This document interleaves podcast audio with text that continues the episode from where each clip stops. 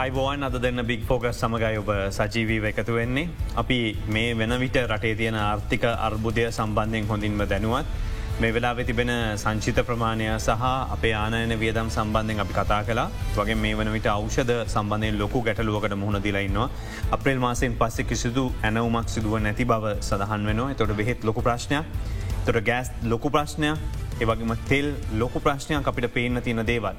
ඇහට පේනදට අමතරව බාණ්ඩ නිෂ්පාදනයේදී ඒවගේම තමයි අනෙකුත් පැත්ති අත්‍යවශ්‍ය බාණ්ඩොල්ද මේ ප්‍රශ්යට ඔබ මුහුණ දීලා ඉන්නවා මේ වනවිට. ඉතින් අලුත් අගමැතිවරේ පත් වනා සහ අලුත් බලාපොරොත්තුවත් දීලා තියෙනවා. හැබැයි ඒවගේම විදේශ සබදතා ඔහුට බොහෝ තිබෙන නිසාවෙන් ඔහුට යම කළ හැකි වේයයි බොහෝ දෙනෙක් කතා කරන්න. ඇතරම හුට කරන්න පුළුවන්ද ඔහු මොනවද කරන්න ඕන. ආර්ථික නැඹුරුව ඔහුගේ කෙසේ වේද අපි කතා කරම ඒ ගැන අපිත් එක සම්බන්ධ වන්න දවසේ ශ්‍රී ජාතනපුර විශ්වවිද්‍යාලයේ ව්‍යාපාර ආර්ථික විද්‍ය විද්‍යාධ්‍යනාශය අංශ ප්‍රධානී මහචාර ජනක් කුමාරසිංහ මහත්මය.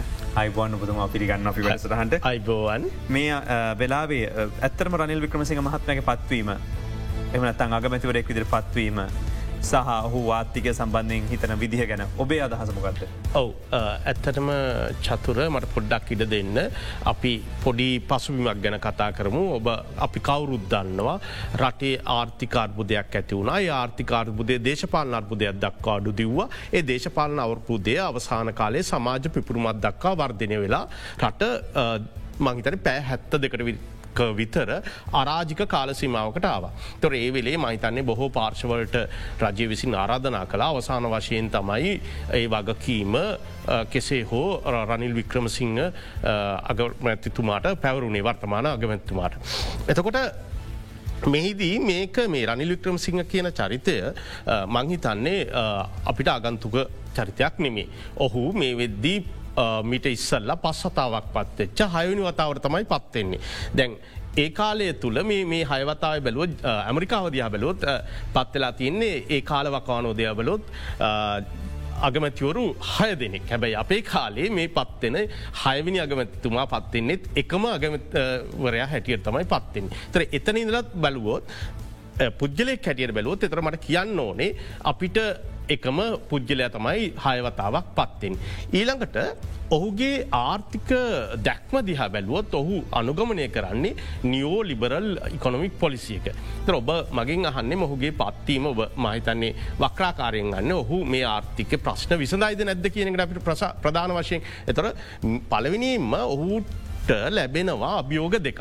ඒ තමයි ආර්ථිකාර්භයෝගය සහ දේශපාලන ස්ථාවරත්වය රට තුළ ඇතිකරගන්න ඕන. ආර්ථික අභයෝගයකදී අනිවාර්යම මතන දේශපාලන ස්ථාවරත්වය ඉතාමත්වගත් ඒක මහිතන මහ බැංකු අධිපත්තුමත් අවධාරණය කරලා කියලතින මතන සියලු ආර්ථික විද්‍යාත්න පිළිගන්නා කාරණය. සහුට ලැබෙන පලවිනිම අභියෝගය තමයි ඔහු කෙතරම් සූක්ෂම ලෙස සහ දක්ෂ ලෙස මේ දේශපාල අර්බුදය විසඳා ගනීද කියනෙක. ති ඒ ගැන මංහිතන්නේ ඔහු දක්ෂයක් කියන එක තමයි මගේ හැඟීම ඔහු ඒ දේ කරගත්තා. අවශ්‍යයි. හැබැයි ආර්ථිකාර්බුදේදී ඔහු මීට පෙරත් පත්වෙනවන් අපි බලම ඔහුගේ අවසාන පත්වීම දිහා බැලුව දෙදස් පහළවෙඉල්ලා දෙදස් දහනමයනතුර ඔහු අගමැති දුරේ රැඳී සිටනවා ස පුද්ගලයගේ ආර්ථිකය කෙතරම් හොඳට හැසුරුවාද කියලා කියන්න නම් එක හරියට අපි විශ්වවිද්‍යාලද අපි අහනවා හොඳ ශිෂ්‍යයෙක් දෙන්න කියලා සමහර පුද්ගලික ඇතන පෙන්ගිල්ලනවා. තර හොඳ ශිෂ්‍යයක් කියන්නේ කොහොමද අපි. හොඳ කියන එක ඇවිලා සංකල්පයක්. හැබැයි අපි ආචාර්වරය හොඳ ශිෂ්‍යයක් කියලා කියන්නේ අපි බලනවා සම අපිට තියෙන ඔහු වෙනුවෙන් නිර්ණායක. ඔහු දිනපතා දේශනවලට පැමිණෙන වෙලාවට පැමිණෙනවද ඔහුට පැවරණ පැවරුම් ඔහු නිසිලෙස නිදිසි වෙලාවට බාර දෙනවද. ඒවගේම ඔහුගේ ලකුණු සාමාන්‍ය පරතරය ඉතා ඉහල ස්ථානක තියනද වගේ අපි කියනවා කේපියයි නැතන් කීප පොම ඉන්ඩිකේටස් නිර්ණයක මත තමයි ඔහු හොඳ ශිෂ්‍යද්ද නැද්ද කියලා තීරණය කරන.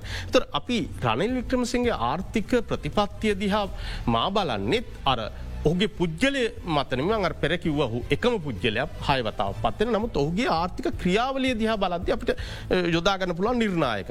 දැන් දෙදස් හතර අවසානයේදී ඔහු රටබාරගද්දි දෙදස් පහලවේ අගමැති හැටියට පත්තෙද්දි අපේ විදේශ සංචිත ඩොල බිලියන අටයි දසම දෙකයි එකයි. ඔහු නැවත රට දෙදස් දහනමය අවසානයේදී වෙනත් පාර්ශවකට බාර දෙද්දි දේශපාලනික වශයෙන් ඒ සංචිත ප්‍රමාණය අඩුවෙනවා බිලියන හතයි දසම හයයි පහකට. එතර එතන්දී එකන ඔහු අසමත් වෙලා තියෙන අපේ විදේශ සංචිත අපට තියන්ද ප්‍රධාන ප්‍රශ්නය වැඩිකරගන්න ඒ කාල සීමාව තුළ. තව එකතු කිරීමක් කරනවා. තොට හම්බන්තොට වරාය පැවරීමෙන් ලැබෙන මුදලත් ඔතන එකතු වෙන්න ඕන. අනිවාර ඒක නායගවන්න යොදාගත් එත්නෑ ඒකට වග්‍රාමාත්‍යවර විදිහට. ඕ ඒ සියලුවල එකතුව තමයි. මොකද චතුර ඒ සියලුවල එකතුව. ඒ වගේම ජාත්‍යන්තර ස්වාර්ී බැඳුම් කර නිකුත් කිරීම දිහා බලමුක. ඔබ කියන කාරණයක් ඇතුළුව. එතකොට අපේ දෙදස් හතේ ඉඳලා දෙදස් දහ නමය දක්වා අපේ නයභාවය වැඩීම ඩොල බිලියන දාහතක නය වැඩි වෙන දෙදස් හතේ ඉඳලා දෙදස් දහනමය දක්වා ඩොල බිලියන දාහතක නය වැඩියනවා. එතට මේ පාලන කාලය තුළ දෙදස් පහළවෙන්ද දෙදස් දහනයම දක්වා ඩොල බිලියන දොළහකින් වැඩි වෙනවා. එතර එතන්ට අර ජාත්‍යන්තර සෑරීඩ් බැඳුම් කර නිකුත් කිරීම සහ ඒ ප්‍රමාණය ඇතුළුව. ඊළඟට එතර විදේශ සංචිතවල අවසානයෙන් ඉතුරෙන ප්‍රමාණය තමයි හතයි දශම හයයි පහ ඩොල බිලියන ඒක ඔබ කිව්ව අර හම්බන්තොට වරායි මිකිනීමෙන් ලැබුණු මතන් ඩොල බිලියන එකයි දසම පහක් වගේ ප්‍රමාණය මගේ මතක නිවැරදිනම් ලැබෙනුව නයි කියල කියන ඒ ප්‍රමාණයක් ඇතුළුව තමයි මේ හතයි දශම හය පහපිට ලැබෙන්නේ. එතර ඒ දිහා බලපුවාම මේ නිර්ණයක ඊළඟට තව එක නිර්ණයකයක් කියන්න මට අවසර දෙන්න කාලේ වැය වුණත් එතමයි විදේශය ණය ප්‍රමාණය දළ ජාතික නිෂ්පාදනය ප්‍රතිශතයක් ලෙස. දෙදස් දා හතරේ වගේ අපේ ඒ දළජාතික නිෂ්පාදනයේ ප්‍රතිශතයක් ලෙස විදේශ ණය ප්‍රමාණය සියට පනස් පහයි දසම නමයයි තියෙන්නේ. හැබැයි මේක දෙදස් දහ නමේ අවසානය වෙද්දි දළජාතික නිෂ්පාතිය ප්‍රතිශතයක් ලෙස අපේ විදේශ නායගති භාවය සියට හැටාටයි දස්ම හතයි නමයක වර්ධනයක් වෙන්න. තර මේ සියලු කාරණාවලින් පේන්නේ ඔහු ආර්ථිකය මෙහෙවපු ආකාරය සහ. එදසම්සි හතලි සටේ නිදහස ලබාගත් දායින්දල ආර්ථික මෙහෙවූ ආකාරය අතර විශාල වෙනසක් කරන්න නැතං අර තුන්සිය හැටකින් ආර්ථිකය කරකෝල ඉස්සරහට ගැනීමේ හැකියාවතින් ඔහු විශේෂ දක්ෂතාපුත් පෙන්න්නපු පුද්ගලයෙක් හැටියට නම් මට ආර්ථික විද්‍යානුකුල දර්ශක මත මට තීරණය කරන්න බෑ. නිසා එනිසා මෙවර ඔහුගේ පත්වීම තුළ ඔහුට අභියෝග දෙකක් තියෙන අරමම්මූක දේශපාලන අභියෝගය තීරණය කොහොමද කළමනා කරනය කරගන්න? නිසා ආර්ථික අර්බෝධය කොහොමද කලරන ත ආර්ථික අර්බෝධයට ඔහු දෙන්න යන පිළිතුරු අර එදාදීපු පිළිතුරුම නං චතුර අපිට මේ ප්‍රශ්නය තාව කාලිකව නැවතත් පාපිස්සයටට දැමීමක් මිසක් ණය බර තවත් වැඩීමක් ඒක පුද්ගල ණයභාවය තවත් වැඩවීමක් මිස මේ ප්‍රශ්නයට සාධාරණ පිළිතුරක් ලැබේ කියලා විශ්වාසයන්න මේ පෙර එකන අපි කියනවන සාධාරණ විසඳුමක් හොයන්න පුළුවන් එකක් ඇවිල්ලා එහෙමනං එක්කෝ අපි ඩොල සේව් කරන්න ඕන. එමනත්තං අපිට ඩොලර්න් කරන්න ඕන. අපිට ඩොල උපයන්න කිසිම වැඩ පිළිවලක් තාමත් නෑ තියෙන ඩොල ප්‍රමාණයක් ලොක ප්‍රශ්නයක්. මෙට සේවාංශය එකතු කරල ගත්තයන් පස්සේ බිලියන පහලුවක් විදිර අපි සටහන් කරේ. සීලු දෙවල එකතු කරලා. එතින් දැන් ඒක ප්‍රශ්නයක් බවට පත්වෙලා තිබෙන එතකොට එක්ස්පෝට් ගත්ත මේ පශ තියන එතකොට මේ කිසිවක් වැඩිවෙන්නේ නැතුව රනිල් වික්‍රමසිං මහත්මට විල්ලා මැජික් පෙන්න්න පුළුවන් කියන්න විදිහක් නෑ ඔහුටත් වෙන්නේ තව නය ගන්න. එහෙනම් ඔහු නය ගන්න ඕනන මේ වෙලා එතොට මේ නය ගන්න ඉස්සල්ල නයක් දෙයි අපිට? කවරුහර මේ තත්වය මත.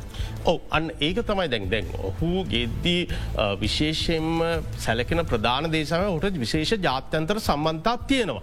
ඔහුට ජාත්‍යන්තරය උදව් කරාවි කියන එක. එතර අපිට අන්න එතන්දි නැවතත් තාපස්සට හැරිලා බලන්න වෙනවා ඔහුට පාලන කාලය තුළ ඔහුට විශේෂ ජාත්‍යන්තර සමන්තා යොදාගන ඔහු විශේෂ වාසයක් ලංකාර්ථිකට සිදු කරලා තියෙනවද නැද්ද කියන එක. එතර ඒක තමයි මංකුවේ නෑ ඔහු ජාත්‍යන්තර වාසිල් තමුන්ට තියෙන එයා සහම්බන්ධතා යොදාගන ලංකා ආර්ථිකය විෂයල්ල වශයෙන් වෙනත් දිශානතිකට යොමුකරපු බවක් පෙනෙන්න නෑ. ඒ නිසා තමයි මම කිව්වේ අර ඔහු සම්ප්‍රදායික මේ ආර්ථිකය කළමනා කරණය කලා මිස ආර්ථිකය වෙනත් දිශානතිකට යොමු කිරීමේ හැකියාව ඔහුට තිබුණ නිසා මෙවරත් ඔගේ ජාත්‍යන්තර සම්බන්තා මත මට ආර්කන පෙර අපි අපි තීරණ ගන්නේ චතුර පෙර අත්දැකීම් මතන ඒ අත්දැකීම් නෑ නිසා මෙවර ඔහු විශේෂ යමක් කරයිද කියන බලාපොරොත්තුව තවම නෑ නිසා වෙතන මට හිතන්නේ අපිට වැදගත්තෙන්නේ මේ පුද්ගල චරිතය නෙමේ අපිට කියන්න. වැදගත්තෙන්නේ ඔහු ඉදිරිපත් කරන වැඩ පිළිවෙල ගැන. තවමත් ඔහු ඒ සඳහා වැඩ පිළිවෙලක් නිසිලෙස ඉදිරිපත් කරලන්න. එතර එන්නේ වැඩ පිළිවලට අවශ්‍ය මංහිතන්නේ කාරණා ටික අපිට දෙන්න පුළුවන් ඔහු ඉදිරිපත් කරොත් මේ දේශපාල අර්බුදයෙන් විසඳන්න. අන්න එතන තමයි වඩාත්ම වැදගත් භවතින්නතු පුද්ගල චරිතයක් හැටියට ගත්තාම ආර්ථික අනිතක මතක තියාගන්න මේ ආර්ථිකය තනි පුද්ගලේට ගොඩදාන්න පුළුවන් තැනකනම අද තියෙන විශාලාත් අර්බුදයක්ත්තින්. නිසා වඩාත්ම වැදගත්තන්නේ ඔහු මේ ආර්ථිකය ගොඩනගාගන්න අවශ්‍ය ඒ සියලු ශක්තිීන් එක තැනකට එකතු කරගන්න හැකියාව ඔහුට තිබුණොත් මහිතන ඔහු ඒ පළවෙනි මොහොතේ ජයග්‍රහණයක් ලබා ගන්නවා. ඒ ජයග්‍රහණය ලබා ගන්නවාද කියන එක මත තමයි ඔගේ ඉදිරි කටයුතු තියෙන. ඒ ජයග්‍රහණය තමයි දේශපාලන අර්බුදය තාවකාලිකාරි සංසිධවාගන්න ඔහු සමත් වනොත් ආර්ථික අර්බුදය ගැන ඔහුට ඊළං පිවර ගන්න පුළුවන්. ඔහු මේ වන විට බෞගය දා පැවතිච්ච විශේෂ සාකච්චවලින් තානාපදනු සඟ ප්‍රතිච්ච සාකච්චවලින් අනතුරුව කතාකරපු දෙයක් තමයි අපි විශේෂම ජපානයේ දෙසට අවධානය මුකරන්න ඕන ලෝකයනි රටවලට අවධානය මුකරන්න ඕන කියන කතාව. දැන් ජපානය ගත්තොත් එදදාසමසය අසූ දෙක වර්ශීන්ල දෙදස් දෙදස් හත වර්ෂය දක්වාම. ලංකාවේ ප්‍රධානතම නාය සැපයුම්කරවා එවගේම ප්‍රධානතම ආධාර සැපයුම්කරුව බවට පත්වනි ජපානය හැබැ දෙදස් හතේදි මේක වෙනස් වෙනවා. තොර ජපානය කියන සාධකය අපි වගේ රටකට වැදගත්ද. සහ ජපානයට ලොකු දවක් මේ වෙලා කරන්න පුළුවන්ද. සහ රට මං ප්‍රශ තුන රටකට විතර අපිට නය දෙන්න පුළුවන් නය ආයතනවලට නය දෙන ආයතනවලට අපිට මේන්න තත්ව යටදේ අපිට නය දෙන්න විදිහක් නැද නැද්ද. ඔව. චත්‍ර ඉතාමත් හොඳ තැනකට. ජපානය අපේ ආධාර කණ්ඩෑමේ නායකය හැටියට විශාල සේවයක් කරපු රටක් ඔබ ඔබ කියන කාලය තුළ හැබැයි ණය වශයෙන්ද කැන අපේ ආර්ථිකය රැඳුනේ චතුර ඉතාමත් සරලව විස්තරකොරත් මම ප්‍රශ්නයට උත්තර දෙන්න ඉස්සල්ලා. එදස්මසය හතලි සටෙන්ල අපි කාගෙන් හරි රුපියල් සීයක් නයට ගන්නවා. අරගෙන කනවා බොනවා. ඒක ගෙවන්න තව කෙනෙකින් රුපියල් දෙසීයක් නයට අරන් අර රුපියල් සීය ගෙවලා ඊට පස්සේ එදා දවස තව සීයක් ඉතුරේ නොන ඇති ඒසියෙන් ගෙවනවා. ඊළඟ ඊළඟ දවසේ තව තුන් සීයක් නයට ගන්න අර දෙසීය ගෙවනවා. ඉතුරු සීයක් වෙන ඒකින් කන ඔහොම තමයි ආර්ථිකයන් එක හරිම පැහැදිලියෝ පේනවා. අපේ ණය ක්‍රමික වැඩිවීම දිහා බලපුුවම ජාත්‍යන්තර සයිරී බැඳුම් කර නිකුත් කර කර තමයි අපි මේ නය අපේ ආර්ථිකය මෙහෝගෙනාව නැත්තම් මේක විශාල වශයෙන් මේ විදේශන්තිච කඩා වැටෙන හැම අවස්ථාවකම අපි ජාත්‍යන්තර ස්වරී බැඳුම් කර කියන ඉන්ජෙක්ෂන් එක දීලා නය ටියක් ඉහලට අරගෙන ඒ මත තමයි අප ආර්ථිකය ගෙන ගෙනහින් ආවි. එතර ඒකට අපිට ජපානය විශාල වශයෙන් ඔවුන් අය සහ ආධාර ලබාදීපු රටක්. එතොට විශා දෙදස් දහනමයෙන් පස්සේ. විශේෂෙන්ම ජාත්‍යන්තර ස්වෛරී බැඳුම් කර වෙළඳ පොල අපිට අහිමි වෙනවා. විශේෂම අපේ රේටින් සරහ වැටීම තුළ. ඒ වගේම අහිමි වෙන අනිද්දේ තමයි ඔබ කිව්ව ආකාරයට විශේෂම දෙදස් හතේ දෙදා සටේ කාලවක්වානයෙන් පස්සේ අර පුද්ගලික වශයෙන් අපිට අතදීපු රටවල් අපි දිහා හිතවත්ත බලපු රටල් අපි දන්නවා ජපානය අර සැන් ප්‍රන්සිස්කෝ සමුළුවෙන් පස්සේ ශ්‍රී ලංකාවදයා විශාල වශයෙන් බොහොම සුභවාදීව සහ සුහොඳව ආධාරකරපු රටක්. එතොර ඒ රට අපිට අහිමියෙනවා ඒ රට අහිමිවෙන්න දෙ ඒ ඒ පුද්ගලික සහදීපු රටවල් අහිමිවෙන් අපිට බලපාන්නේ ජාත්‍යන්තර ක්‍රඩිට්‍රේටින්වල පල්ලහයාමට වඩා අපේ විදේශ ප්‍රතිපත්තියේ තිබිච්ච දුරලතා නිසා. උදාහරණකශ අපිට ජපානය අහිමි වෙන්නේ විශේෂෙන්ම අපේ ප්‍රොකියමන්ස් නැත්තං අපි අපේ විශේෂෙන්ම අපේ ප්‍රොජෙක්ස් ලෝකයට බිට් කරන්න ඉදිරිපත් කරදදි. ඒ ක්‍රමවේදය තිබිත් තුළ තිබිච්ච දුර්වලතා. අර ජාත්‍යන්තර පිළිගත් ක්‍රමවේදවලින් බැහැරව පුද්ගලික හිතවත්කම් මත විශේෂම මේ ප්‍රජෙක්ස් ලබා දෙන්න ගත්තු උත්සාහතල මොකද ජපානය කිසිසේත්ම මා ඉගෙනගත් ජපානය ඉගෙන අධ්‍යාපනය හදාරලා සහ ඔවුන්ගේ දැක්කම ගැන යම් අවබෝධයක් තියෙන කෙනෙක් කැරෙටගෙන ඔවුන් බොහෝවිට දේශපාලන ප්‍රතිරූපෝල්ටවත් කොමිස් මතවත් තමුන්ගේ බිඩ්කිරීම් සිදු කරන්නේ නෑ ඔවුන් ඒ බිඩ්කිරීම් සිදු කරන්නේ විශේෂම රිටර්න් ඔන් ඉන්වස්මන්ස් කියන කන්සෙප් ප්‍රොජෙක්් එක යටතේ. සහ ඔවුන් හරි කැමති දේශපාලන් නිදහසෙන් ඔවුන්ට ගණදුනු කරන්නේ රටත් එක්ක. එතකොට එන්න ඒ අවස්ථාව බොහෝවිට ජපානයට ඇහිරී යනවා. ඒ ඔස්සේ තමයි ජපානය අපෙන් ගැලවිලා වෙනත් මාවතකට යොමු වෙන්නේ. එනිසා ඒ ජපානය අහිමි වෙනවා. ඒ වගේ ඊළඟට අපිට උදව් කරන්නන්න ජාතීන්දිහා බැලුවාම. ඒ බොහෝ ජාතීන් එන්නේ අර මීයක් කඩන්නේ අත ලෙවකන්න නෙමේ කියන ප්‍රතිපත්තිය මත විශේෂෙන්ම අපේ අසල්ලාසින් අපි රටවල් හැටිට කතා කරොත් ඉන්දියාවසා චීනය ඉතිහාසය ඉදල බැලුවොත් අපිට උදව් කරලා තින අතීතය ඉඳලා යම් කිසි පරමාර්ථයක් ඔවුන්ගේ හිත්තුල ගැප් කරගෙන තමයි අපිට උදව් කරලති හැබයි ම දකිනවා ජපානය එහෙම පරමාර්ථයක් නැතුව. ඉතාමත් මහිතනේ විවෘත්තව තමයි අපිට සහ දියුණුවෙන් රටවල්ලට සංවර්ධනය සඳහා ඔවුන් ආධාර කරන්න. එකම හොඳ උදාහරණයක් කියන්න. මෙවර මේ සංවර්ධන ආධාර කියලන අපිට චීනයත් අපිට ආධාර කරේ. හැබැයි අපි අමාරුවටිච්ච වෙලාම චීනයමකද කිවේ නෑ. අපි ඔගොල්ලන්ටත් අනුගමනය කරන්න එකම ප්‍රතිපත්තිය ඔබේ ණය ප්‍රතිසංස්කරනයකට අපිටන අපි ඒක පාර්ශව ණය ප්‍රතිසංස්කරනයක් යෝජනා කරනවා. ඒ යෝජනා කිරීම චීනය ප්‍රතික්ෂේප කරනවා. හැබයි මම පුද්ගලිකෝ විශ්වාස කරනවා මේක මගේ මතය. ජපානය අපි ඒදේ කිව්වනං ඒවලේ ජපානය කියයි ඔවතාව කාලිකෝ අපි ඔබට ඒ සහනය ලබා දෙන්නම් කිය හැබැයි චීනයට මංහිතන්නේ පුද්ගලික වශයනුත් ඒක විශාල අවාසයක් වෙන තීරණයක්. මොකද ඔවුන් සංවර්ධන ණය දෙද්දි ඒ සංවර්ධන ගත්තු රටක් අමාරු වැටිච්ච වෙලාවක ඔවුන් අත දෙන්න ප්‍රතික්ෂේප කරනවා කැන ජාත්‍යන්තර වශනුත් චීනය ලෝකයේ බලාධිකාරියත් එක්ට සටන් කරන රටක් හැටියට ඔවුන්ට ඒක අවාසිදායක වේ එතකොට දැන් මුහුදු සේද මාවතේ තිවිච්ච රටවල් සහ ගොඩවිම් සේද මාවතය උනත් අපිට බේන තියන් දෙ තමයි රටවල් ගණනාවක් මේ චීන නයාර්බුදයට හිරවුණා කියන කතාව.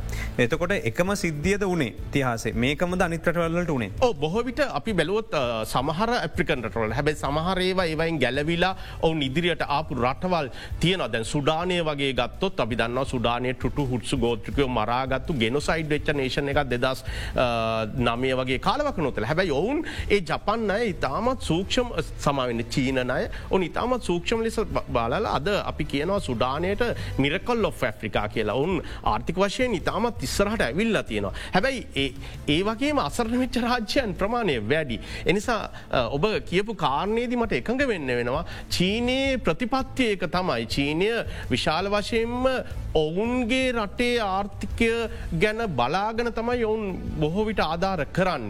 ජපානයට තමුන්ගේ ආර්ථිකය මේ වෙදි ඉතාමත් ස්ථාවර තැනක තියෙන් නිසා ඔවුන් අවංකෝම උදව් කරන්න පෙළඹෙනවා රටවල්ලට කියන එක තමයි මගේ විශ්වාසයම දන්නා ජපානය.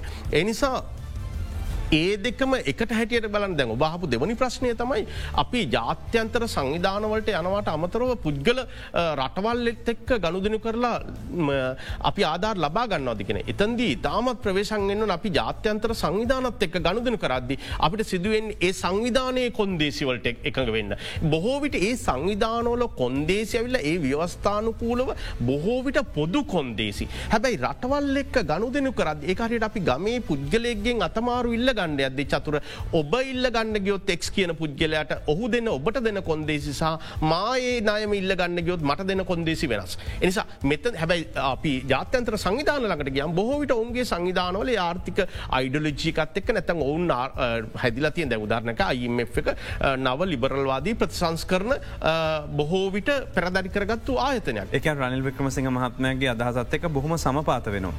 එක සම්පාතයි එක බොහෝවිට සම්පාතයි. එතොට ඒ නිසා බොහෝවිට ඔවුන් ඒ කොයි කවුරු ගියත් ඔවුන් ඒ නවලිබරලාදී ප්‍රසංස් කරන යෝජනාවලයක් එක්ක තමයි මේ රිලි ෆන්ස් නැත්තම් මේ ගැලවීමේ මුදල් ඔවුන් ලබා දෙන්න. හැබැයි පුද්ගලය අර රටක් දිහා බලාගෙන අපි උදව් විල්ලුවොත් ඒක ඒ රට ඒ රටෙහි විදේශ ප්‍රතිපත්තියත් එක්කසා ඒ රටයෙන් තියෙන දැක්මත් එක්ක තමයි කොන්දේ සිදිරිපත් කරන්නේ දැන් උදාහරණකශ අපි දැකල ඇති ඉන්දියාවසා චීනයක ගණුදන කරදි බොහෝ විට ඔවුන් වර භූමියයේ තියෙන අරගලයත් එක්ක නැත නිම ජියෝග්‍රපිකල් uh, බල අරගලයත් එක්ක තමයි ඔවුන් ඒ කොන්දේ සිදිරිපත් කරන්න. ඉති ඒ නිසා මම හිතනවා මේ වෙද්දි අපට වඩාත්ම වැදගත්තෙන්නේ ආර්ථික විද්‍යානුකුලව වඩාත්ම වැදගත්තෙන්නේ රටවල්ලින් ගන්න ඕනන් අපි මානුෂික ආධාර ගැන අවධානය යොමු කරනවා මිසක් නයවලට ගියොත් රටවල් එක් අපි වෙන්නේ තව තවත් හිරවෙන එක. රටවල්ලට මානුෂික ආධාර ලබාගත් හැක්ම වෙල්ද අපි මානුෂික ආධාර අවශ්‍ය තැනක ඉන්න. අපි අත්‍යවශ්‍ය බාණ්ඩටින ඔබ පටන්ගදදිකිව ඉතාමත් නිවරදි. බෙහෙත් නැතුව මැරන් රෝගීන් ප්‍රමාණයගෙන අපිට සංඛ්‍යාලය කරනෑ මේ වෙද්දි. මේ වෙද්දි අපිට මේ පෝලින් නිසා අපේ ආර්ථිකය ඇවිල්ලා ඩොල බිලියන අසූ හතරක අසූ දෙහෙක ආර්ථික ඇත්තින් ඒක මේ ෆේස්බුක් එකේ අපි මුහුණු පොතේ වාර්ෂික දළජාතික නිෂ්පාදනය හා සමානාර්ථික ඉතා කුඩා ආර්ථිකයක් ලෝක අනිකුත් රටවල්ලා සසඳ එක සමාගමක ආදායමත් එක්ක බලන්නකොට ඒ තත්වස සමානය තාමත්කුට අපිට බැරි වෙලා තියෙනවා අපේ ආර්ථිකය ඩොල බිලියන සීයත් දක්කා ප්‍රසාරණය කරගන්න ඉද සම්සේ හතලි සට ඉද එතන තියෙන ඒ දැන් පේස්බුක් ආයතනය බිහි කරල වසර දහකින් විතර උන් ඩොල බිලියන අසුවක විතර ආර්ථිකයක් ගොන්නගාගන්නවා ඒ අය සමාගම තුළ. එතකොට අපිට දවසකට අහිමි වෙනවා. ප්‍රමාණය මංහිතන්නේ මිලියන තුන්සිය පනහක් විතර ඩොල මිලිය තුන්සිය පනහ විතර ආදායමක් අහිමිෙනවා මේ පෝලිං නිසාසා ඇඳරි නීතිය නිසා.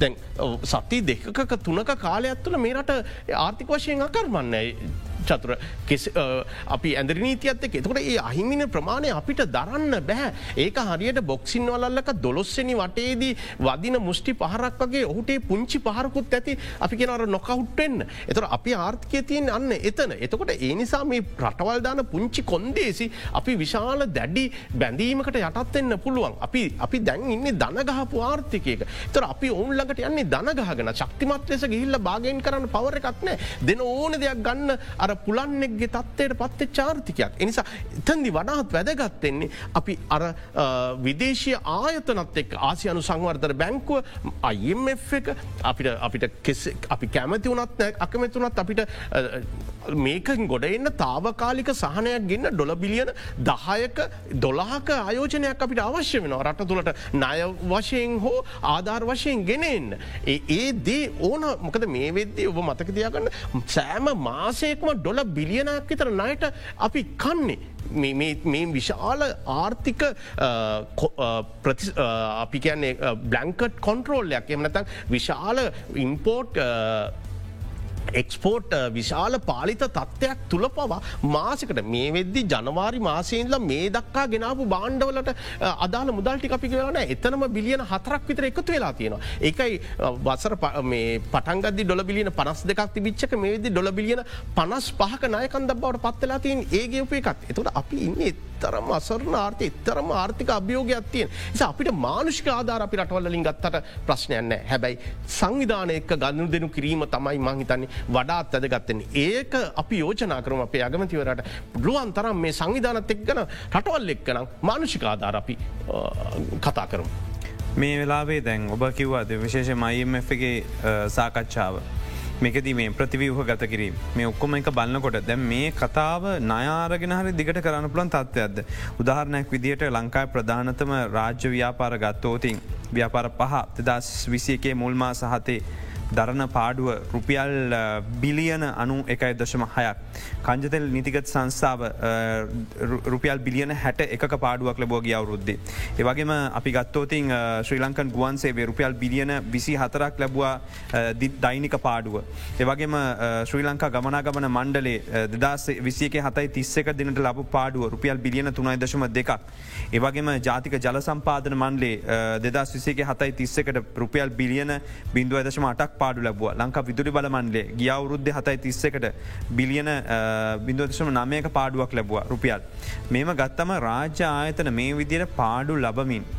පවත්වගෙන යාම එතකොට තවදුරට ඔබ කියන ණය ගන්නවන අපිට බිලියන් දහයක් විතර ගන්න ඕන ඒක ගන්න තැනකට අපි යන්න ඕන අපි කතා කරන ආයතන කවද නය දෙන්න මේ විදිර ණය වෙවීම පාඩුවට ආයතන දවාගෙනගේ ලායි ගෙවන්න බරිතත්වකට කියලා ඊට වඩා ණය ගන්න ති මොකක් හරි ප්‍රතිවිහගත කිරීම අවශ්‍යම මොහොතනෙමේ. අනිවාර්ම අන්න එක තමයිගෙද රටවල් වලට වඩා අපි ආයතනවලට යන්න ඕනේ ඒ ප්‍රතිවර ඔබත් එක්ක සියයට සීයක් චතුරමම එකගයි.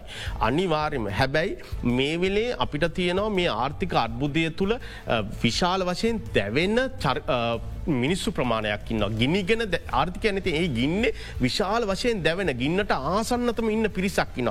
ඔවුන්න බේරාගත යුතුයි අපි. අපි ඔවුන්න අමතක් කරන්න බෑ. අපි දන්නවා සියදිවි හානිකරගනින් මේ වෙද්දි වැඩි වෙලා තියෙනවා. ඒ වගේම මේ නිසා අපි කතා නොකරන පැත්තත් තින රටේ විශාල බුද්ධිගලනයක් සිදුවෙනවා. ඉගෙන අපිට ඉතුරු වෙන්න ඔබ දන්නවද කාම්බෝදේ හතරෙන් එහෙක ජනගානයක් මිය යනවා කාම්බෝදේ පොල්පොට් ගේ පාලන සමය තුළ අවසාන වශයෙන් කාම්බෝධය ඉතුරු වෙන්නේ දෙකයි දෙකයි එකට එකතු කරගන්න බැරි පිරිසක්. එනිසා විශාල බුද්ධිමත්තු ප්‍රමාණයක් රට ඇතාරල යනවා. ද අපේ රටට ඒ එනිසා කාම්බෝධය ගොඩ ගැනීමට වෙච්ච ප්‍රධානම ප්‍රශ්නය තමයි කාම්බෝධය දේශපාල වශයෙන් ස්ථාරුණට පස්සේ බුද්ධියක් නැති ජනතාවක් ඉතුරු වෙනවා. එතකොට එකන විශාල වශයෙන් ආර්ථික ප්‍රසංස් කරන අවශ්‍ය ඒ දැනුව නැති එනිසා ඔවුන් කරන ප්‍රධානම දේ තමයි ඔවුන්ගේ පිරිස් ජපානයට එංගලන්තයට ආසියාව අනිකුත් සිංගප්පුරුවට සහ යුරෝපය රටවල්ලට පිටත් කරලා හරනවා ඒ දැනුම ලබාගෙන එන්න රට ගොඩ්නාගාගන්න. එනිසා අපි පලවිනින්ම අපේ රට ඉන්න මේ බුද්ධිමතුන් නාරක්ෂා කරන ඔවුන් රට තුළ තියාගන්න අවශ්‍ය වෙන. මං කියන්න අන්න එක දැන් අපිට වෙන අපි විශාල වශයෙන් අපිට වෙන උපක්‍රම මේ වෙද්දි ඉතුරු වෙලා නැහැ චතුර. අද ඉතුරවෙලා තියෙන්නේ තවත් නයක් කරගෙන හැබැයි මතක තියාගන්න ඒ ගන්න නය අරමීට විස්සලත් මංකිවන අර වෙනද වගේ කාලබීලා නාස්ති කරලා උත්සවවලට දේශපාලන ප්‍රතිරූප පුම්බට නයක් නෙමේ. ඔබ කියන ලෙස මොකද ණය චතුර ණය ගැන වැරදි අදහසක් අපි ගතයුතුර ණය කිසිසේත් මං කියන්නේ නැහැ කිසිස සේත්ම කිසි මාර්ථ විද්‍යාත්නය කියයි කියලා. ණය ඉතාමත් භයානක සත්‍යයක්කට අපි හඳුනගන්න නෑ ආර්ථික විද්‍ය. අපි ප්‍රශ්නය වෙන්නේ අපේෙන් ලබාගත්තු ණය උදාහරණයක් වශයෙන් දෙදස් දහයින්ලා දෙදස් දාහත වෙත්කං අපේ ආර්ථික වර්ධනවේගයක් පෙන්වා සියට දොළහක් විතර. හතත් දොළහත් අතර. ඒ සියට හතත් දොළහත් අතර ආර්ථික වර්ධනය වේගේ අපේ ආවේ විශේෂම ඉදිකිරීම් ශේත්‍රයේ. හැබැයි ඒ ඉදිකිරීම් ශේත්‍රය ලබාගත්තයේ ආර්ථික වර්ධනය ලබාගත්තේ ගත්තු ණයවලින්. හැබැ ප්‍රශ්නය තියෙන්නේ ඒ ඉදිකිරීම්වලට ගත්තු ණයවල ආයෝජනවලට ලැබිච්ච ප්‍රතිලාබ අපි කෙන රිටර්න් ඔන් ඉන්වස්වන්ස් ඉතාමත් පල්ලෙහ. අපි දන්නවා අපිට අපි පැහැදිලි සමහර කුළුණු ඒවගේම සමහර සම්මන්ත්‍රණ ශාලා මේ විදිත පවත්තල තියෙන සම්මන්ත්‍රණය දෙකයි. කලෑවෙන් වැැහුණු සමහර භූමිය කරපු ඉදිකිරීම් ඒවල ආර්ථිකයට ප්‍රතිලාබ ලැබිුන් නෑ. එසා මෙවර ගන්න ණය අපිට ආර්ථිකයට ප්‍රතිලාබ ලබා දෙන හැටියට අපි කරගන්න ඒ සඳ ඔබ කියන ප්‍රතිසංස්ක නිතාමත් අදගත් මේ පාඩු ලබන දේවල් තවත් මෙසේ පවත්තාගෙනයට හැකිද. ඒකෙන් රාජ්‍ය සේවේ එකයි දසම මිලියන එකයි දසම එකකට ආසන්න රාජ්‍ය සේවයක් තිබුණ. ඒ රාජ්‍ය සේවේ ගැන ලෝක බැංකු වාර්තාව තියෙන දේ බැලුවොත් අපිට බයහිතෙන අපේ රාජ්‍ය සේවය අනිත් රාජ්‍ය සේවයෙන් එක්ක බලද්දි සරලව ප්‍රකාශකරොත් දවසට පැය අටක් කරන මේක ඇත්ත ප්‍රකාශ කරන්නවා වෙනත් රටක රාජ්‍ය සේවගේ දවසට දවසේ පැය අටේ කරන රාජ්‍ය සේවය පැය දෙහකින් කරන රාජ්‍ය සේවය තමයි අපේ සේවකයෝ පැය අටකින් කරන්නේ. ඒගැන කරන වැඩ ප්‍රමාණය අනු බලකට වැඩ ප්‍රමාණය අනුව බැලුන එතකොට අපේ අටෙන් එකක පිටි පස්සෙන් අපි ඉන්නේ ඒකන වෙනත් රටක රාජ්‍ය සේවයකගේ වැඩ ප්‍රමාණින් අටෙන් එකයි අපේ රාජ්‍ය සේවකයෝ මේ විදදි කරන්න. එනිසා රාජ්‍ය සේවය විශාල ප්‍රසංස් කරනයකට අපි යායුතු වෙනවා. මේක උහුලන්නේ නෑ මතකතියාගන්න රාජ්‍ය සේවකයන්ගේ පඩිනඩී මාත් කතා ඇතුළුව ඒවගේම අධ්‍යාපනය සෞඛ්‍ය ඔය වගේ වියදන්ටික දාපුවම අපේ රාජ්‍ය ආදායම ඉවරයි. එක අපිට වෙනත් ආර්ථිකයේ නිෂ්පාදනය ජාතික ආර්ථිකයක් හදාගන්න අවශ්‍ය යටිතල පහසුකම් සකස් කරන වියදං කරන්න අපිට ඉතුරලා නෑ එනිසා හැමදාම සියට හතක සියට හයක අයවැය පරතරයක් ඇතුව ගිය ආර්ථිකයක් අපිට තියෙන්නේ නයාර්ථිකයක්. එනිසා අපිට සිදුවෙනවා විශාල ප්‍රසංස් කරන ගණනාවක් හඳුනල දෙන්න. ඒදේ මේ මොහොතේ පටන් ගැතයුතු එක පටන් ගත යුතු තිබුණේ ඊයේ ඒක ඊය කරේ නෑ ඒක අද කරන්න ඕන නැත්තං අපිට අනාගතයේ දවසක නැවත මේ සකච්ඡා කරන්න වෙන. නිසා අද මේ අවස්ථාව මම දකින්නේ ඉතාමත් හොඳයි මහිතන් අරගල භූමියඉන්න තරුණයෝ කියන්නේ මේ පුද්ගල චරිත ගැන මේ ඔවුන් ප්‍රකාශ කරන්නේ මේ රට ඉදිරියට ගෙනයාම සඳහා වැඩ පිළිවෙලක් ඉදිරිපාත් කරන්න කියලා. එනිසා මම හිතන්නේ අපි අන්නේ වැඩ පිළිවෙලට ඉතාමත් නිසි අවස්ථාව තියෙනවා ඒ ප්‍රසංස් කරන ඔබ කියන විදියට මේ පාඩු ලබන රාජ්‍ය ආයතන ඒ සමහර රාජ්‍ය ආයතන දිහ බලපුවම ඒ දේම අලවි කරන පුද්ගලික අයෝසියක බැලුවත් ලාබ ලබනවා. එතොට සිපෙට්කෝ පාඩු එහෙම වෙන්න බැහැ චතුර. එනිසා ඉතාමත් විශාල ප්‍රසංස් කරන ගණනාවක් අපි මේ අවස්ථාවේ පටන් ගත යුතුයෙනවා නැත්තං අපිට රටක් ඉතුරුවෙන්නේ නෑ. අපි මහචර ජනක් කුමාරසිංහ මහත්මය සමඟ කරන සාකච්ඡාව ඉන්න අපි විරාමකට යොමලායින්න මේ අදදරන බික් ෆෝකස්.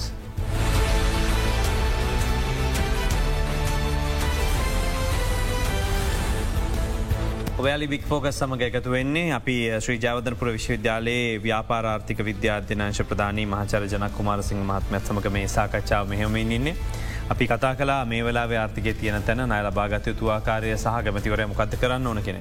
ත්‍යගමතුමා ඒ සඳහන් කර තිබුණ අද විශේෂ ප්‍රකාශයක් එතුමා කිරීමට නිමත රට ආර්ථිකය සම්බන්ධෙක්. කෙසවෙතත් එතුමා ඊය කියන මේ පාර මේ මාසෙත් රාජ්‍ය සේවකන්ගේ වැටුක් ගෙවන්න අනිවාර මුදලච්චු ගහන්න වෙනම කියලා. මුදල් අච්චු ගහනෝ කියපුගම් අනි පත්තර අපි ලෝක දැන් දෙවනියට උද්දමනය වැඩිම රට බවට පත්වෙලා ඉන්න මහාචාර හැන්කිකි දර්ශනය අනුව. ඔබතුමා මොකද මේ ගැන හිතන්න? මේ වෙලා මුදල් අච්චු ගහන ඔපට යන්න පුළුවන්ද? ඉතාමත් තව පුංචි කාරණයක එතුර කරන්න ඩොන් හොප්කින්සන් විශ්වවිද්‍යාලය අනුව අපි දෙවන ස්ථානය තම යෝවරෝල් ඉන්න. සමස්තයක් ලෙස හැබැයි ආහාර උද්දමනයේදී ලෝකේ මේ වෙද්දි පලවෙනි ස්ථානය චතුර. ආහාර උද්දමනය අතින් අපි පලවෙනි ස්ථානය අපි උද්දමනය වර්ග කීපයකින් ගන්න ඉදිකිරීම් ක්ෂේත්‍රය හෙම ගත ආහාර උද්දමනය අතින් බල අපි දන්නවා ආහාර කියන මිසාගේ අත්‍යවශ්‍ය බණ්ඩ තියෙන ඒකෙන් අපි පලවිනි ස්ථානය තර ඔබ අහපු ප්‍රශ්නයට පිළිතුරත් දෙනවනම් ඕක නියෝලිබරල් වාදයේ ඔය විශේෂ මෑතකාලනේදී සමහර රටවල් ක්‍රියාත්මකරු ආර්ථික ප්‍රතිපත්තියක්. එක අතකට හරි. ඒක මම කියන ඔබට ඔවු. මුදල් අච්චු ගැහුවට හැබැයි ඉතාමත් ප්‍රවේශයෙන් තේරුම් ගන්න කියලම මේ අප පේක්ෂකයන්ගේ ඉල්ලනවා මුදල් අච්චු ගැහුව හම උද්ධමනය වැඩිුවෙන් නෑ කියන කන්සට්ටයක් ලෝක තියෙනවා. ඒක සමහර රටවල්ලට හරි. විශේෂ මේක බලපානවා. ඔවුන්ගේ ව්‍යහාර මුදල් ඒක කිය. තමන්ගේ රටේ බාණ්ඩ හුමාරුවට අමතරව ජාත්‍යන්තර ව්‍යහාර මුදල් ඒකයක් ලෙස ක්‍රියාත්මක වෙනවද කියන එක. දෙවනි කාරණය තමුන් ලෝකයට නිෂ්පාදන සිදු කරන රටත්ද කියන එකත් එක්ක. විශේෂයෙන්ම මුදල් අච්චු ගහපුවම විශේ අපේ වගේ රටක අපි ඔබ දන්නවා අපේ වගේ රටක නිෂ්පාදනයක් සිදුවෙන්නේ ඉතාමත් තව මේ වැද්දි සියල්ල නැවෙන් කටට කියන ආර්ථිකයක තමයි සිදුවෙන් එනිසා අපේ බාණ්ඩමිල ඉහළ ගියාම ඒක අපේ රටේ දැඩ්ඩි උද්ධමනයකට හේතුවෙන. හැබැයි ඇමරිකාව ජපානය චීනය වගේ රටවල්වල මුදල් අච්චු ගැසීම තුළ ඔවුන්ගේ ව්‍යහාර මුදල්ලේකක ලෝකයේ අනිකුත් රටවල්වල ජාත්‍යන්තර මුදල්ලේකක සහ විදේශ ව්‍යහාර සංචිත තබා ගැනීම සඳහා භාවිතා කරන නිසා. ඔවුන්ගේ රටට දැනෙන උද්දම්මන ප්‍රතිවිපාක ඉතා අඩුයි සහ ඒ තුළ ඔවුන්ගේ යවාන් එක හරි එන්න එක හරි ඩොලර් එක හරි අවපාත වීම ඔවුන්ගේ ආර්ථිකට වාසයක් වෙන මොකද ඒ ආර්ථිකය නිෂ්පාදන සිදු කරන නිසා. එනිසා වෙනදා ඩොලර් එකක් කරගනාපුවම ඒ රටට ලැබ ඒලටින් ලැබෙන්නේ අපිතමු එක අල කිලෝ එකක් නම් අද ඩොලර් එකක් කරන් ගිහාම අර මිල là, ඔවුන්ගේ රුපියල මේ ඔවුන්ගේ රටේ මුදල්ලේක අවපාත වීම මත ඊට වඩා අල කිලෝ ප්‍රමාණයක් ගන්න පුළන් නිසා ඔවුන් කෙරෙහි විශාල ගැනුම්කරුව ප්‍රමාණයක් ඇද ගැනීමේ හැකියාව ඔන්ගේ ආර්ථික තුරට ලැබෙනවා. හැබයි අපේ ආර්ථික එහම ආර්ථිකයන්නේ අපේ තින නැවෙන් කට ආර්ථිකය එනිසා උද්ධමනය වැඩිවෙච්චගන් ඒක රිජුව අපිට බලපානවා. ඒවගේම මුදල අවප්‍රමාණය වෙච්චක මං අපේ ඒක රිජුව බලපානාව. මොකද අපි ඩොලර් නිෂ්පාදනය කරන ආර්ථිකයන්නෙමි. එනිසා මේක ඉතාමත් බැරෑරුම් ප්‍රකාශයක් හැටිරයි මම දකින්නේ. මුදල් අච්චු ගහනුව කියන මුදල් අච්චු ගහලා පඩි ගෙවනවා කියන එක මං හිතන්නේ බැරරුම් කාරයක් ඉති බැරුම් කාරයකුණට මේ මේ මාස පඩියක වෙනත්තන්ගේ අය ඊට රාජ්‍ය සේවක ඔක්කොමටික අපහසාට පත්වරන්නේ මත කරන්න බැලක්ෂ පහලවක් මෙතන ඉන්නවා. අනිවාර්යම ඔබ ඔබ කියන ඔබට පඩින තියන අනිවාර්ය ලාචාරෙක් විදිහට විශ්වවිද්‍යලාචාරක නිසා හැබැයි දැම් මේ අපි තේරුම් ගන්නනේ මුදල් අච්චු ගහල අපි ලබාගන්න පඩිය ඒ දී අපේ ජීවන තත්ත්වය ඒ මේ මාස පඩිය තුළ වැඩිවෙන්නේ නැහැ චතුර. එතකොට සාමාන්‍යෙන් පඩියක් ලැබන අපේ ජීවන තත්වය වැඩිවෙන්න ඕන ජීවන තත්වය වැඩියෙන්න ගිය මාසිට වඩා පල්ලයා ජීවන තත්වයක් තමයි අපි මුදල් ලච්චු ගල ගන්න පඩියෙන් අපිට ලැබෙන්නේ. අපිට කර යුතුව තියෙන්නේ ඒක නෙමේ ඊට වඩා දැ මේ විශේෂෙන්ම මේ වෙද්දී මම කියන්නේ ඒකයි අපි ජාත්‍යන්තර වශයෙන් යම් කිසි නයක් ලබාගන අපි පඩිගෙව්වොත් ඒකෙදී අර අඩුම ගාන අපිට ඩොලර් ප්‍රමාණය යොදාගන විදේශයෙන් බාණ්ඩහරි ගැනීමේ හැකියාවත්තිනවා හැබැයි මේ වෙද ඔබ කියන එක හරි ඉතුරු වෙලා නෑ හැබැයි ඊට වඩා ක්‍රම නැද්ද අපිට චතුර? මේ දිශනිකයෙන් කරන්න බැරිවේ හැබැයි උදාහරණයක් වශයෙන් දැන් ඔබ දන්නවා යුනයිට නේෂන්ල තියෙන ස්ටා කියල ප්‍රෝග්‍රමයක් අපි කියෙන ස්ටෝල නැසස් රිකවරි ප්‍රෝග්‍රම්යක් ඒකෙද අපි දන්නවා මේ වෙද්දි අපේ ආර්ථිකයට මේ ප්‍රශ්නය ඇතිවෙන්න බලපාපු හේතු රාශයක් එක්ක අපේ රටේ විදේශ විනිමය එමනතන් අපේ රටේ සම්පත් එලියට නීත්‍යානුකුල නෝන මාර්ගයෙන් ගලායාමක් ගැන අපි කතා කරනවා. ඒ වගේම රාජ්‍ය සම්පත් කොල්ල කෑමක් ගැන අපි කතා කරනවා. දේශපාලනයොත්නයෝ සහ දේශපාලනයට උදව්කරපු ඒ දේශපාලන පත්තීන් ලබපු නිලධාරීන් ගේ කොල්ලකෑම්. ඒ වගේම මහා බදු වංචා ගැන අපි කතා කරනවා හිතන විදිහට ඔය කොල්ලකාපු මුදල සහවරකං කරපු මුදල දල වශයෙන් කොච්චරක් වේද. චතුර අවංක ඒ දෙන්න මට එහමනත් පොදු ප්‍රශ්නයක් කතා කරන්න බෑනක අපි හොරකං කරන්න ගානක් කියන්න ඔන්න මෙහ තියන මේ ගේන්න ඕන කියරවල එතකොට අපි දැන් ගත්තොත් මාකෝස්ක ෆැමිලියකට ඔය චෝදනා වෙලන බිලියන දහයක් කාල හොරකං කර කියලා කියපු මුදල. බිලියන තුනයි මේ අවුදු තිහටම හොයාගෙන තියෙන පවුලේ. තොර කොච්චරද කියලා කියන්න නැතුව තියනෝ තියනෝ කියලා හැමෝම වෙල කියන අසාධාරණයි සාමාන්‍යයෙන් ලෝක බැංකුව සඳහන් කරන්න විශේෂම ලංකාවේ රටකින් සාමාන්‍යෙන් අපේ රටින් වර්ෂයකට ඩොල බිලියන දහයක් පහුගිය කාලේ එලියට ගියයි කියන එක තමයි. ලොක බැංකු වාර්තානුව ම ප්‍රකාශන මගේ වාර්තාන ඩොල බිලියන දහයක් හොරකං කලා ලංකාවෙන් අයුතු ලෙස එලියට ගියා කියන එක. එක ලංකාවේ ආර්ථිකෙන් එලියට ගියා කියනෙක හොරකං කරා කියන එක ඕ ඒ වචනය හොරකං කරා කියන එක ප මෙම කියන්න පුළුවන්. දැන් එතකොට අදටත් ලංකාවේ කිසිම ආයතනයක් ගත්තෝතින් එක්ස්පෝට් කොච්චරක් එක්ස්පෝට් කරනවද? ආපහුපාරක් ඒගොල ලංකාවට සල්ලි ගේනවද කියනක නෑ හොයන්න. එතකොට අපි දන්න නෑ මෙතන හොරකං කරලා ගියාද? මේක බිලියන දායගන හොරකං කරන්න පුළුවන්ද හැම වරුද්ධක මොහම දේශපාලක් ජන්ටරි කාටහරි එතර කොහොමද කියන්නේ බිලියන දහය කෙලියට ගිය පමණ මේක හොරකං කලා කිය ඒ හරි. ඒ හරි චතුර එක ලංකාවට ලැබෙන්න්න තිවිත්ත ආදායමේ ඩොල බිලියන දහයගාන මේක අහිමි වුණා වෙන්න පුළුවන්. ඔබ කියන ආකාරය මොකද මේ වෙද්දි අපි දන්නවා සමහර සමාගම් විදේශ ගණු දෙනු කරද්දි ඔවුන්ගේ මූලස්ථාන මේ වෙදදි ලංකාවෙන් ගලෝගෙන ගිල වෙනත් මුලස්ථානවල තමයි තබලතියෙන් එතකොට සිදුවෙන දේ තම තමයි ලංකාවෙන් බාණ්ඩ හූමාර වුණාට ඒ බාණ්ඩ ප්‍රවාහයට අදාළ මුදල් ප්‍රවාහය ලංකාට ලැබිලනෑ. ඒ ප්‍රවාහය මුදල් ප්‍රවාහය අතරමග රටවල්ල නවතින එක සිංගපපුර වෙන්න පුළන් ඒක ඩුබායිවල වෙන්න පුළුවන්. ඒ නිසා තමයි කියන්නේ ඒ ලූටඩ් මනි අපි අපේ රට ගෙන ගත යුතු වෙනවා. ඒ සඳහා තමයි මංහිතනි මහ බැංකු අධිපතිවරයාත් ප්‍රකාශ කරනවා අනිවාරෙන් එල්C හරහා නැතම් කොමර්ශල් බැංකු හරහා විතරයි මේ ගණුදන සිදුවත්තේ. පහුගිය කාල ඒ ගණු දෙනු අපි දන්නවා කොමර්ශ කමර්ශල් නැත වානිජ බැංකු පද්ධතියෙන් එලියෙන් ගණුදෙන සිදු වුණා. ඒදේ තමයි අපිට විශාල වශයෙන් පහුගේ මේ එක පාර කඩාවැටීමකට බලපාපු තවත් එක් හේතුව මේ මේ සියලු හේතු එක තනි හේතුවන්නේ මේ සමස්ථ ආර්ථිකය ක්‍රියාකාර්තය තුළ වෙච්චේතු. එතකොට එහෙම ගියානං ඒ සම්බන්ධයෙන් පරීක්ෂණ කරලා ගෙන්න්නා ගැනීමේට නීති ආධාර සපයන ආයතනයක් ගැනතයි මංකවබට විස්්‍ර කරන විස්්ටාවගේ ආයතන තියෙන තොර අපි ඒ පිළිබඳ හොයන්න දෙවනි කාරණය තමයි තියෙන හොරකංකරොත් ගෙන් ආයතන විතර නමුත් අදාල පුද්ගලක නමින් තියන ඕන කොහරි බැංකුවක දාල කටයුතු ඒ විදිර සිදුවෙන් ඕන. අපිට ඒක කොච්ච ම කියන් මේ හොරු ආරක්ෂා කරන්න මේ කොහොමද ගන්න කියනක මේ බරපතල සංකීර්ණ ක්‍රියාවලියම් මේ ක්‍රියාවලිය ඒ ක්‍රියාවලිය සංකීර්ණ වනාට ගිය අපි ගියවර්සයට බැලුවොත් රටවල් දහ අටක් ඒ සම්බන්ධෙන් කටයු කරන දෙදස් විසියක වසර තුළ යුක්්‍රේණය කසකස්ථානය මොංගෝලියාව කොළම්බියාව ඔවුන් ඔබ කියනකාරි ඒ සමස්ත මුදලම අපේ ආර්ථිකට ගෙන්න්න බැරිවෙන්න පුළ හැබයි යම් ප්‍රමාණයක් ඔවුන් ගෙනන්න සමත්වෙලා තියෙනවා චතුර. එතර අපි අන්න ඒ වගේ වැඩ පිළිලක් කිය මේවයින් ආරම්භකරෝ දැන් rebuild nations uh, uh, uh, වගේ ප්‍රෝග්‍රම්ස් පිලිපිනේ පටන් අරන්තියනවා අන්න ඔබ කියපු මුදල් හොයාගෙන. එතකට අපිට පුළුවන් එන්න ඒ මුදල් අපිට හොයාගෙනන්න දෙවනි කාරණය තමයි විශාල වශයෙන් අපිට අනිවාර්යම අපිට කරයුතු වෙනවා. අපි අකමැති වුණත් අපේට අහිමිවෙච්ච බදු ආදයමත් තියනවා. අපි දෙදස් දහනමය මුලදී මේ රජය අර බිලියන පන්සියකට හයසියක ආසන්න රුපියල් බදු ප්‍රමාණයක. එනිසා ඒ නැවතේ බදු අපි කැමති වනත් අකමැති වනත් පවරන්න වෙන ලබාගන්න අනිවාරෙන් ලබාගන්න වෙන එතකට ඒ ප්‍රසංස්කරට අපියන්න එක මුදල් ලැච්චුකහීමට වඩා මංහිතන්නේ ඒක ආර්ථිකට ආර්ථිකට යහපත් ක්‍රියවලයක්. එනිසා අපි මේ ස්ටා ප්‍රෝග්‍රමික මදකට ආමත කරමක. හොරකංකරපු සල්ලි ගැන පස්ස කතා කරමක. අඩුම ගාන අපිට නැවත ඒ බදු මුදල් ආර්ථිකට පනවන්න වෙන හැබැයි බදු මුදල් පනවද්‍ය ආර්ථිකය අඩ පනවෙන අංශ ගැන. විශේෂෙන්ම අපි බ්‍රාලන් නැතන් අර දැ පෞගේ කාලෙ සෙන්ටර් බෑන්කකින් එක පාට පොලි මුදල් ඉහල දැම හැබැයි පොලි මුදල් ඉහලදාදී මම කිසිසේත්ම එකඟ නෑ එහෙම සමස්තයක් ලෙස බ්ලංකට් පොලි මුදලක් කියලදන්න පොලි මුදල් ඉහලදාද්දි බලන්න ඕනේ විශේෂම පාරිභෝජන පොලිය ඉහළගයාට කමන්න හැබැයි සුළුහා මධ්‍ය පරමණ කර්මාන්ත ආරම්භ කරන්න ආයෝජන වශයෙන් තියෙන පොලි මුදල් ගැන අපි ඊට වඩා ප්‍රවේශමෙන් තීරණ ගන්නවන් එනිසා බදමුදල් ඉහළගත්දිත් අපිට බලන්න පුළුවන් අර උපේන වෙනවට ගෙවීම් බදු වගේ දේවල් සම්බන්ධයෙන් නැවත ඒ බදු පැනවීම් ගැන අපට සලකා බලන්න සිදුවෙනවා. අපි කෙටි විරාමකට යොමලා එන්නම් මේ අද දෙන්න බික් ෆෝකස්.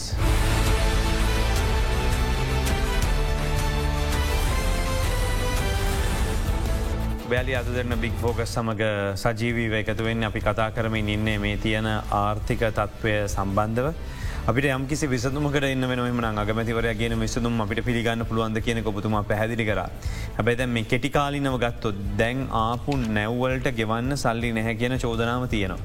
සාගෙවාගෙන විදින්න ඇතරම ඔබ හිතන විදිර කොච්චරක විතර පාඩුවක් මේකින් සිද්ධ වෙනවද මේ ආපු නැව්වලට දැන්ගේ.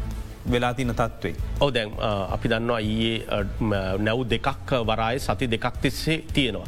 එකට ගෙවන්න ඕනේ මංහිතන්නේ ප්‍රමාද ගාස්තු විතරක් ඩොලර් ලක්ෂ තිස් දෙක හතලියක ප්‍රමාණයක් ගවන්නු එකන අපිට තවත් ගෑස් නැවක් ගෙන්න්න ගන්න පුළුවන් සල්ලි. එතර මේ තියෙන්නෙත් සම්පූර්ණ අපේ ආර්ථිකය කළමනා කරනයේ තියෙන ප්‍රශ්නය. චතුර මම විශ්වාස කරන්නේ මම ජනතාව බය කරන ඕනෙමේ. මම මේ කියනදේ අසත්‍යයක් වේවා කියලා ප්‍රකාශ කරමින්තයි මේ දේ මම ප්‍රකාශ කරන්නේ. ඒක මමත් කැමති අසත්‍යයක් වෙනව නම් මේක. හැබැයි මට තියෙන සංඛ්‍යාලයක අනුව අපි තවම ඉන්න මේ ක්‍රයිසිසගේ පාමුල. අපි ක්‍රයිසිසගේ පීක්කට ගිහිල නැහැ චතුර. පීක්කට යන්න මම හිතන්නේ. ජූනි ජූලි මාසවල තමයි මේ තත්වය අපිට නිසි ලෙස දැනෙන්නේ. එක තව මීට වඩා මාරුවෙන කියලති අන්නේ වාර්යෙන් මම මම ප්‍රකාශ කරන එකසේ නොයක නමුත් තවම අපි තවමත් ඉන්දියන් ක්‍රඩිට් ලයින් එක අවසන් නැවත් අපිට තියෙනවා. තවමත් අපිට එනවා. මෙතනින් එහා දැන් මිලියන පණහක විදේශ සංචිතයක් කියන්නේ සතියකටවත් දවස් ගානකට ප්‍රමාණවත් සංචිත විතරයි තියෙන්නේ. තකොට අපි ඉතා ඉක්මනින් මේදේ කරගත යුතුන එනිසා තමයි මංකවේ දැන් කරන්න දෙයන්න හරියට වතුර නහ හයට උඩින් ගිල්ලති නර අපි අපිතුම් ගමක පුද්ගලයක් කියරවුනම් සමාරිට ඔහු ඔහුගේ මගුල් මුද්ද පවා විකුණුනවා.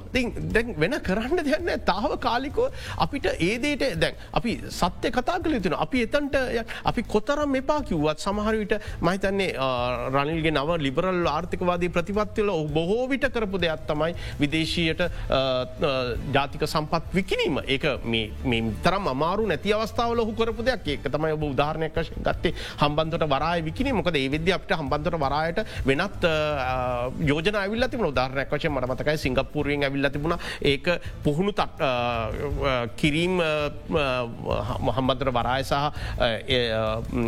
එයාපෝට් එකට පුහුණු කිරීම් අධ්‍යස්ථානයක් හැටියට කිරන්න උන්ට අවස්ථාව දෙන්න කියන. ඉතින් ඒවා තියදි තම ඔවුන් චීනයට වික්කේ. එතර ම හිතන්නේ මේ වෙද්දි යන්නේ වෙන්නේ එතන්ට. වෙන වෙන දෙයක් නත්තන් අපට මිනිස්සු ස්ප්‍රතාලොල්ල මැරණකම් බලාගෙනන්නෙවේ කණ්ඩ නැතුව බැරලකම් බලාගෙනන්නේ ඔබට මම මේ වැරසරනයේද අද තිබිච්ච වාහන පෝලින් කිසි පෙටල් ෂෙඩ්ඩේ මදක් නෑ පෙටල් බෙදෙනවා. හැබැයි වාහන පෝලින් කිලමිට දෙකට වඩා තිකයි ඔලිම ඉන්න පා කියලතම යමන්තවර සඳහන් කළ නමුත් චතුර මොකක්ද කරන්නේ? වාහනේ තෙල්නත්තම් පතෝලව වන්නදේ? වාහනේ.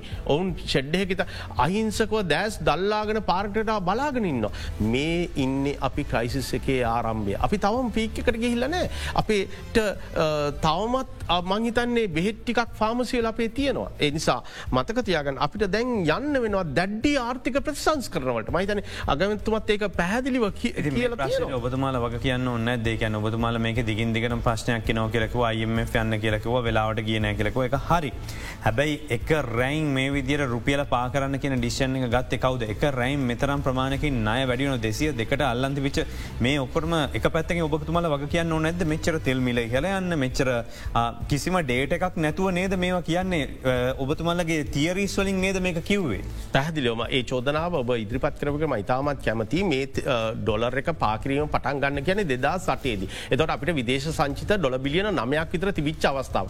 දෙදා සටේද අපි පාකිරීම සිදුකරානං චතුර අපිට යම් කොන්ට්‍රෝල්ල එකත් තිබුණ. එනම් මගේ කැල්කලේෂන් සනුව මම පැහැ වතාමත් වගකීමෙන් කියන මේ වෙද්දි ඩොලර් එක රුපියල් දෙසීයත් දෙසිය පණහි සීමාවත් අතර ස්ථාවරලා තියෙන්න්න තිබුණ. දෙදස් අටේදි මේ පාකිරීම සිදු කරන්න. හැබැයි එතනෙල්ල පාකරන්න නැතුව තියෙන විදේශ සංචිත පුළුවන් තරං ආර්ථිකයට යොදවමින් අපි රුපියල් ආරක්ෂා කරන්න උත්සාහ කර. ඒක ප්‍රතිඵලය තමයි. හැබැයි අවසන් මොහොති පාකරද්දි මම කරපු පලවිනි දේ තමයි ප්‍රමාද වෙලාගත්තු ඩිසිෂණයක් විශේෂෙන්ම අපිට ඇහුන්කන්ද උදාහරනකශ මේ අර්බුදය විසදන්න දීලතියන යෝජනා බලන්න විදතුන් මත් සමහර තැන්වලට සම්බන්ධලා තියෙන දීලතින යෝජනාමකද පාර්ලිමේන්තුවේ අරඉන්න ජාතිකලස්තු ඉන්න මන්ත්‍රවරු අයිංගලා මේ වෙලේ මේ අර්බුද්ධය කළමනාකරණය කරගන්න පුළුවන් පිරිසක් පාර්ලිමේන්තු තරමක අපිට ප්‍රජාතන්ත්‍රවාදින විසඳගන්න පුළ ගෙනල්ල.